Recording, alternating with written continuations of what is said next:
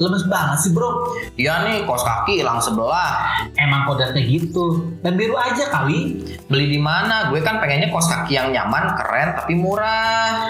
Lu buka aja aplikasi Shopee, search aja kaos kaki motif now. Modelnya keren-keren gak tuh?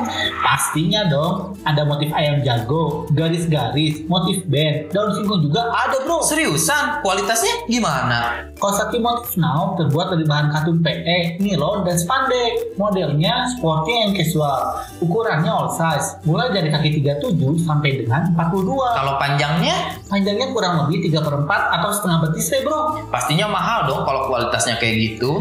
Hanya dengan 10 ribuan aja, lu bisa milikin kaos kaki yang terjangkau tapi nggak murahan. Wah, kalau gitu sih nggak usah ditantar lagi. Cus! Kaos kaki motif now. Kaos kaki ternyaman untuk kaki Anda.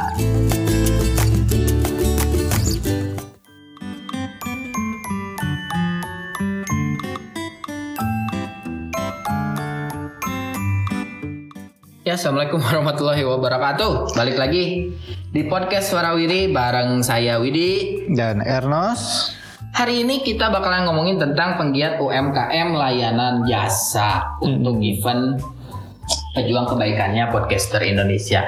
Tapi kayaknya hari ini kita nggak akan wawancara, tapi kayaknya kita bakalan lebih ke diskusi karena Widi sempat ngobrol sama teman Widi yang melakukan layanan jasa. Pertama laundry, terus keduanya artis, ketiganya teh dia pernah ngobrol sama tukang pijit.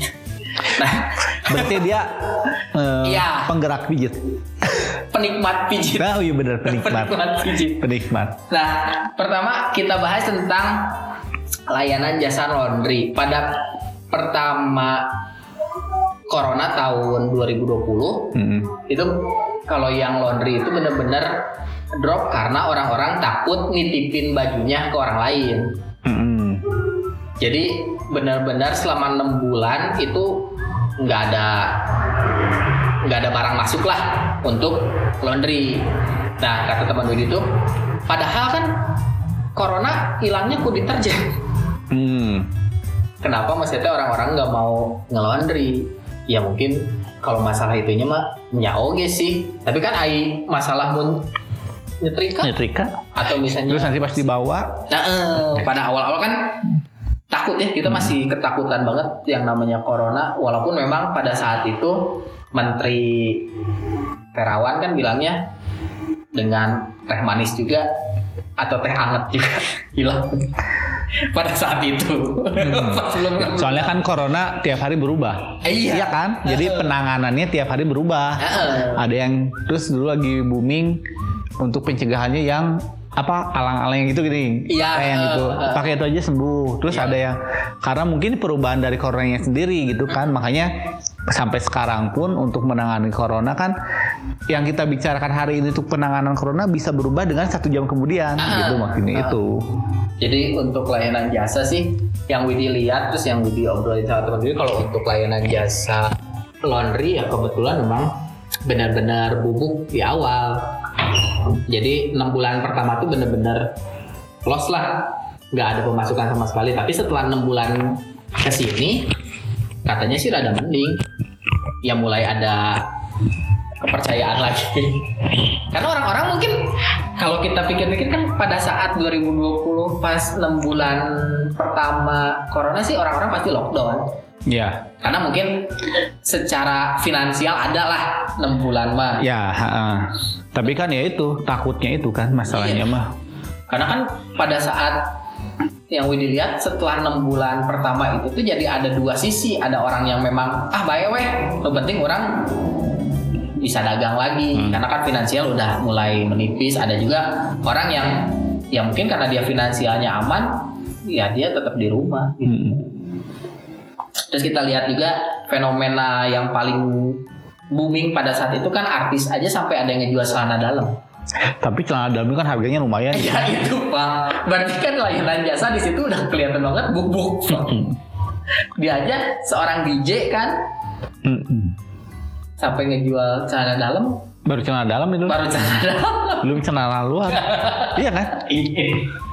Ya berarti kan kalau ngomongin tentang layanan jasa oh, pada saat tahun ini atau tahun kemarin ya ya mungkin tahun sekarang 2021 ada mending ya karena Ya. protokol kesehatannya udah mulai bener kali kan sekarang harus swab Hmm. tiap dia tampil di, di TV atau misalnya sekarang juga kan mulai pembelajaran katanya Juni juga kan harus udah Hmm. vaksin Ya bener apa yang dikatain di apa dikatain Pak Jokowi kan. Mm. Akhirnya kita harus hidup berdampingan.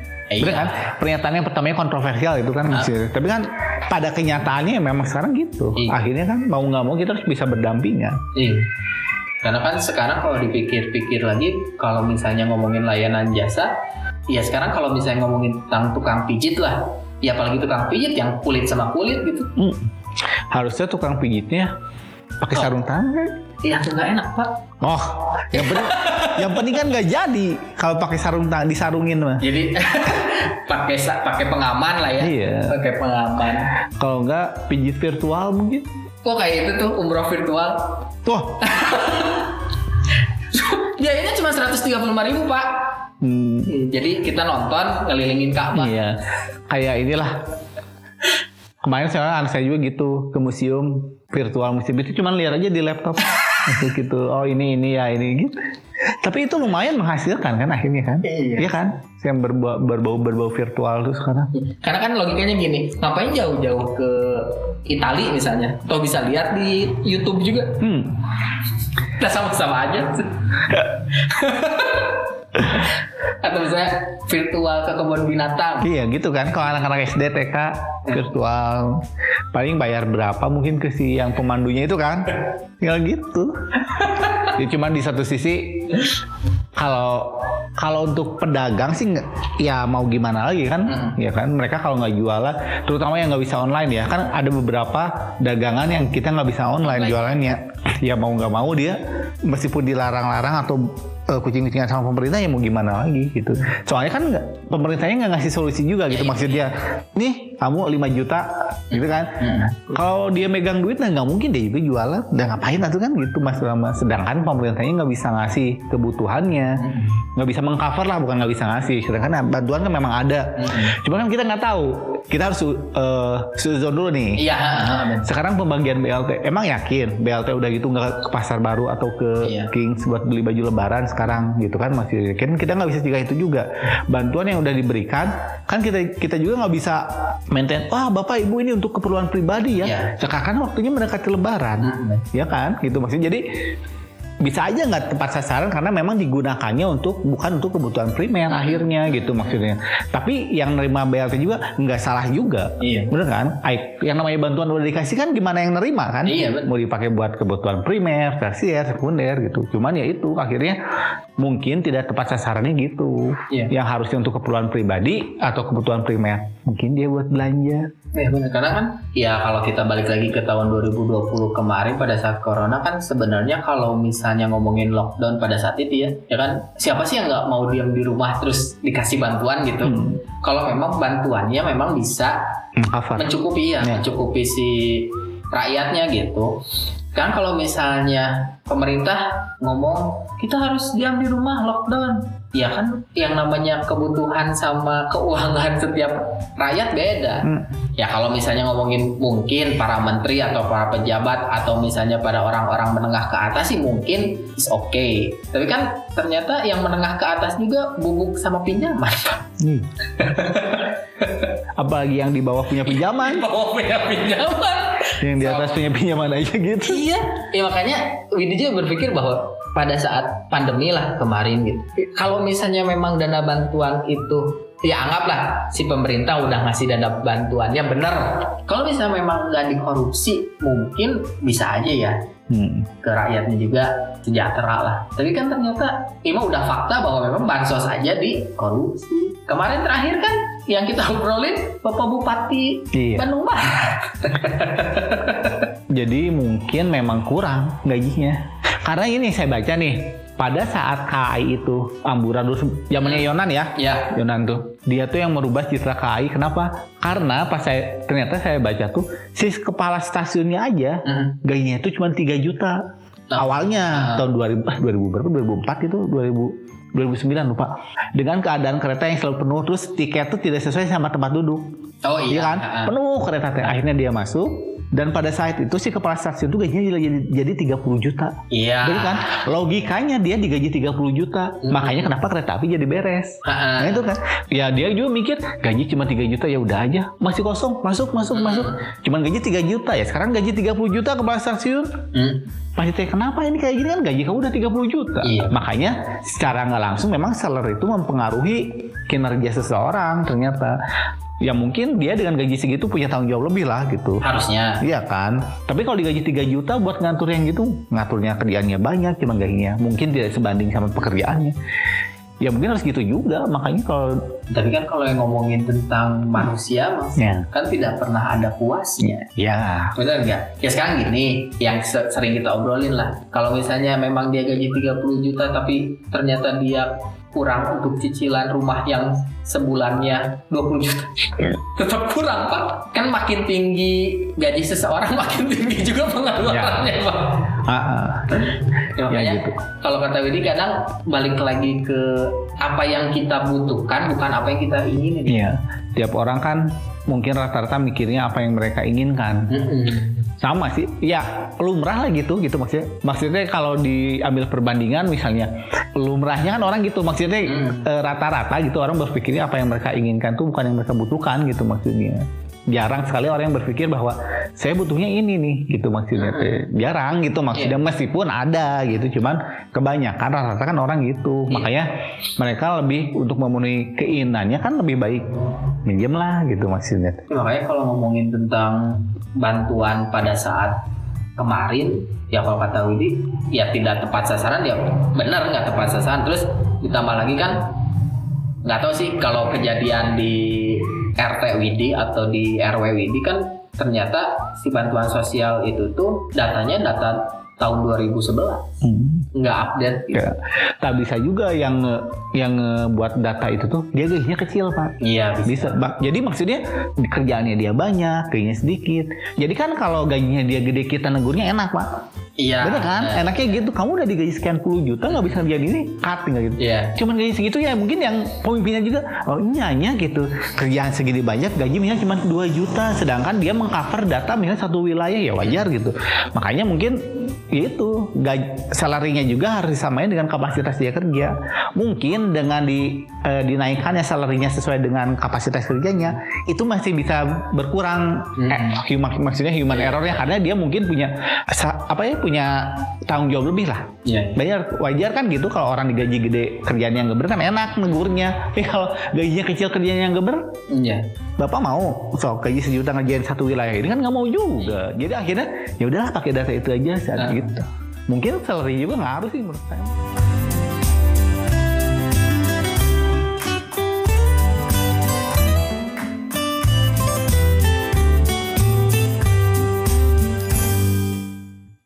Wih, apaan tuh keren banget. Nih, Widi lagi pakai gelang minifigurnya Fracelet Shop. Fraselet Shop. Apaan tuh? Iya, Fracelet Shop, toko online yang jual gelang minifigur lucu dan keren itu loh. Pilihan modelnya banyak nggak? Banyak banget, mulai dari varian talinya sampai ke varian karakter minifigurnya banyak banget. Terus terus ada apa lagi di Fraselet Shop? Bukan hanya gelang, tapi ada gantungan kunci dan masker juga. Makanya udah standar WHO belum? Oh jelas dong, triple sesuai dengan anjuran WHO dan pemerintah. Anjay, cara belinya gimana sih? Tinggal buka Instagram, cari at Fracelet Shop, tinggal klik di bio-nya, terus tinggal pilih deh marketplace yang mana. Mau Shopee, Tokped, atau bisa langsung WA deh ke adminnya. Aslinya gitu doang. Iya dong, makanya nggak usah dilama-lama lagi, langsung beli aja. Fracelet Shop, love our bracelet.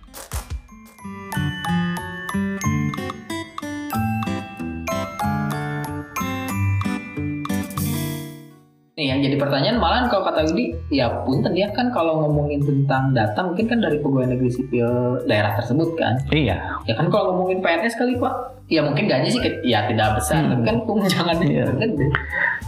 Kan kalau isunya satu, Pak. Oh iya. Bapak mah. kan kalau kata teman kita dulu yang di Iya. kantor, Iya iya iya. gitu kan? Iya iya iya iya. Iya benar. Iya makanya nggak tahu sih kadang ya kita memang ngomongin tentang UMKM, terus kita ngomongin tentang kemarin akibat dari corona lah, terus lockdown. Ya kalau mungkin kalau misalnya UMKM yang nggak berhubungan langsung dengan orang sih rada mending ya. Ya maksudnya ya kayak kayak Kang Rizka lah jualan kaos kaki, Hmm. ya rada mending gitu. Maksudnya kan kita cuman pakai jasa pengiriman gitu.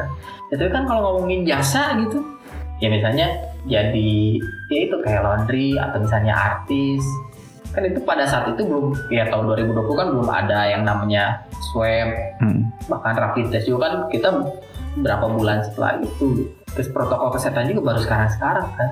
Ya pasti bubuk lah. Hmm. kalau misalnya pendapatan nggak ada tapi pengeluaran kan ya emang kalau ngomongin artis ya Raffi Ahmad aja per bulannya aja dia cicilan hampir berapa m. Kalau nggak ada pemasukan mau gimana ya apalagi ngomongin tentang jasa gitu. Ya sekarang kalau misalnya ya kayak gini deh. Dokter gigi aja pada saat itu kan ketakutan. Hmm. ya nggak? Karena kan katanya langsung dari air ludah lah atau gimana? Apalagi kalau ngomongin tentang pijet pak. Pijet kan megang tubuh seseorang. Dan bisa melakukan ludah kan? Iya. ludahnya atas bawah. Tapi kan memang itu yang jadi apa penular penularannya kan dari situ gitu karena kan pada saat kemarin corona awalnya kan oh ternyata corona aerosol oh ternyata bukan droplet kan bingung pada Hmm. saat pertama juga ya kan kalau ngomongin tentang droplet kan sebenarnya dari air ludah yang nempel kalau Soalnya kan corona pas pertama muncul dia tuh bisa bertahan di, di benda mati hampir dua minggu pak. Hmm. Itu kan. Pertama kan boomingnya gitu. Di benda yang mati. video-video di Wuhan pak yang Iya yang langsung kayak zombie gitu kan maksudnya. Ya sebenarnya dari pemerintah ya sebenarnya pengetahuan kita tentang virus tersebut juga ngaruh Ah. gitu kan. Apalagi itu virus baru. Tapi wajar sih kalau kayak gitu. Soalnya kan informasinya banyak banget. Iya simpang siur. Simpang siur terus banyak banget simpang siur terus tidak ada yang mengkonfir apa mengkonfirmasi bahwa ini loh yang benar Iya. gitu. Maksudnya jadi kita juga masyarakatnya kan bingung. Kalau sampai virus nempel di benda mati dua minggu ya bingung kita tuh megang apa jadinya. Iya benar. Tapi sekarang pemberitaan-pemberitaan kayak gitu udah mulai gak ada ya? Eh, udah mulai nggak ada. Di sini aja sholat Jumat udah biasa pak. Maksudnya ya akhirnya ya udah gitu maksudnya teh. Ya sholat Jumat sholat Jumat biasa. Memang ada di beberapa masjid yang masih menerapkan protokol. Iya. Tapi ada juga yang untuk di daerah-daerah udah biasa gitu maksudnya nggak pakai masker biasa aja gitu. Ataukah memang orang-orang di daerah atau perkampungan emang jarang keluar jadi mereka hidupnya di situ gitu beda Iya. lagi beda lagi mungkin sama di perkotaan Iya. mungkin kalau di perkotaan memang apa mobilisasinya kan tinggi Iya. tuh terus keluar masuk orangnya mungkin tinggi jadi mungkin untuk menerapkan jaga jarak gitu Iya. masih ketat Iya. tapi kalau coba bapak ke kampung-kampung Iya benar. karena memang mereka mulibak di situ pak. Benar. bener. Nggak? Nggak nggak ke mana-mana gitu istilahnya. Ya misalnya kalau petani ya petani. petani di situ Iya, lagi. Pulang orang-orangnya itu lagi itu lagi tadi, gitu. Ya. dia nggak ke kota nggak ke mana-mana ya. Jadi mungkin ya udah gitu-gitu aja. Dan memang kan lebih banyak di perkotaan kan sebenarnya kasusnya. Benar. jadi gitu. Jadi kalau dipikir malahan kalau kita ke daerah terpencil gitu pak kita pakai masker kita yang aneh pak. Mm-mm.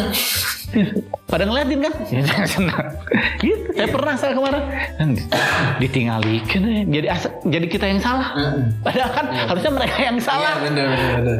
Gitu kalau kita benar tapi di tempat yang minoritas pak. Kita kan minoritas tapi kita ngerasa benar nih. Mayoritasnya jadi kita yang salah. Padahal kan harusnya mereka yang salah. Tapi ada juga pak yang minoritas tapi salah. Ada juga. Padahal minoritas tapi kayak yang salah. Aduh. Eh, hari ini bapak nonton PPT nggak? Yang saya pasang status di IG saya. Enggak sih. Nah itu. Jadi ada rentenir pak. Mm. Eh, rentenir itu bilang eh, saya saya kan rentenir di sini, nah, kamu aja lah bilang ke Allah biar warga-warga tuh mau minjem ke saya. Mm, mm, mm, mm. si temennya bilang oh saya lagi jauhan sama Allah lagi marahan bapak aja kan saya rentenir rentenir itu kan diperangi Allah sama Rasulnya. Masa saya yang bilang? Ih pak, lucu pak.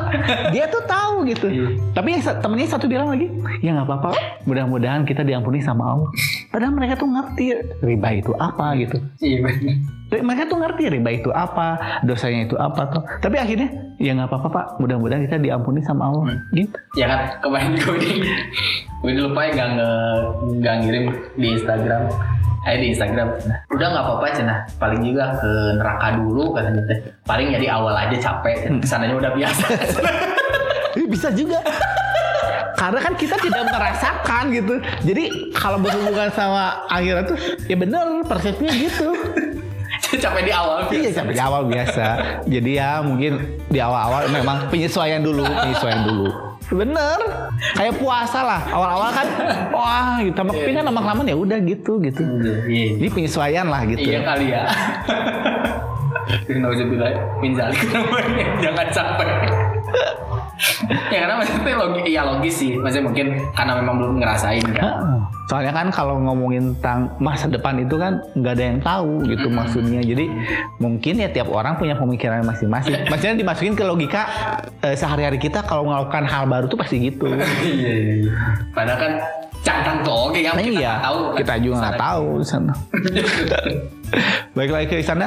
Hmm, Jadi kan kita ngomongin tentang UM, UMKM jasa. Ya kalau menurut Didi sih karena Widi sempat ngobrol juga memang kalau ngomongin tentang UMKM jasa sebenarnya sekarang udah mulai bangkit lagi karena memang udah ada beberapa prosedur yang diberlakukan oleh pemerintah sendiri Mm-mm. kan mungkin nanti ke depannya kayak konser musik kan bakalan ada lagi Tapi yang kemarin Selandia Baru konser musik pak, iya nggak pakai apa-apa lagi. Maksudnya nggak pakai protokol kesehatan. Cuman mereka menerapkan hanya suhu aja pak, hmm. Bebas. Nggak tahu pak sampai sekarang.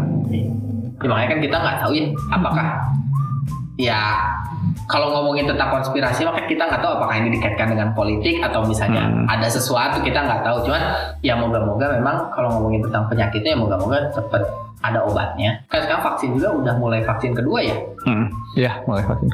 vaksin kedua ya moga-moga nanti kalau udah vaksinnya oke ya kenapa enggak Mm-mm. Soalnya kan sekarang lagi banyak tuh India. ya yang masuk ke Indonesia katanya Eh, India tuh paling banyak sekarang. Cuman anehnya eh, nggak tahu saya tuh berpikirnya atau karena India kan salah satu kayak Indonesia lah penanaman modalnya banyak kayak negara-negara berkembang gitu. Kenapa? Karena biaya tenaga kerjanya murah gitu. Iya. Karena rata-rata kayak di kita eh, kita punya sepatu misalnya Nike kan kita punya pabriknya. Sekarang kan mulai pindah ke India karena di India mungkin tenaga kerjanya lebih murah. Cuman yang eh, nggak an- nggak aneh sih, cuman mikirnya apakah memang dulu kan di Cina, Cina kan salah satu pengimpor Ya. barang-barang murah juga. Mhm. Terus ke India, India kan perakitan komputer semua di India. Maksudnya apakah di daerah-daerah yang memproduksi barang-barang mahal gitu loh maksudnya tuh? Iya iya Lagi masalah nih, pindahin sih virusnya. Ya. Apakah gitu gitu maksudnya? Bener kan? iya Salah satunya gitu. Apakah mungkin tadi perang dagang yang gimana caranya biar tidak berkembang Iya. perdagangan bisa? Bisa. Iya. Kalau kalau konspirasi kan pasti ke situ arahnya. Kenapa nyerangnya India gitu tiba-tiba India? karena kan kemarin juga yang udah mulai lepas masker kan Jerman ya Ya Singapura Singapura udah. udah kan tapi kan itu negara-negara bukan negara-negara berkembang Iya. Dan mereka tidak mungkin melakukan produksi di situ. Iya, makanya. Ya kita nggak tahu ya kalau ngomongin konspirasi. Mm. Mungkin Bapak Bor, apa eh, Bosman Mardi lebih mengerti kalau ngomongin tentang itu. Ya, ini juga jasa nih. Oh kan mertua saya punya kontrakan nih pak. Ah. Nah, biasanya karena kan memang di daerah Cibaduyut sini kan banyak orang-orang pekerja Iya. istilahnya kan. Ah. Gara-gara lockdown itu memang kosong pak.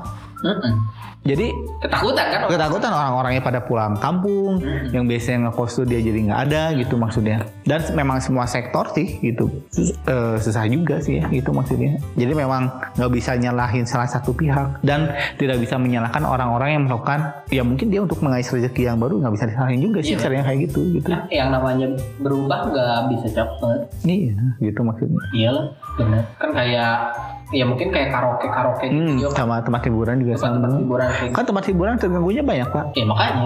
Eh, eh, aparatnya juga. Iya, benar. jadi Iya. jadi pada tutup mereka nggak bisa ke situ. Iya, iya. Pemandu lagunya juga pak. Iya, pemandu lagi. Belum tukang parkirnya. Belum Iya kan? Benar-benar. Belum tukang parkirnya. Tapi memang kalau ngomongin tentang pertama kali lockdown benar-benar sepi banget ya. Bandung pada saat itu Hmm. sepi banget. Jangan itu pak, saya ke Indomaret aja ngambil susu nggak ada pak. Itu bener kan? Susunya udah nggak ada gitu aneh. Saking takutnya orang-orang memang nggak akan ada makanan nanti gitu. Yang banyak video-video viral yang datang ke supermarket tuh pakai APD, Ah, ya kan gitu kan. ada yang pakai APD. Gula yang dulu susah tuh Iya. gula sampai nggak ada di pasaran. Padahal kan gula bahaya juga pak ya. Banyak Iya. minum gula gitu makan gula. Ya, oke lah. Udah lumayan kita ngobrolin tentang UMKM layanan jasa. Jadi kesimpulannya memang kalau ngomongin tentang UMKM layanan jasa pada saat pandemi ini 2020 pas pertama pandemi ya mereka hancur. Hmm. Tapi seiring berjalannya waktu ya mungkin karena ada protokol kesehatan, mungkin ada vaksin juga, terus udah mulai swab test atau dengan rapid test ya sekarang mulai naik lagi lah untuk Ya. Layanan jasanya. Oke, makasih udah ngedengerin. Wassalamualaikum warahmatullahi wabarakatuh.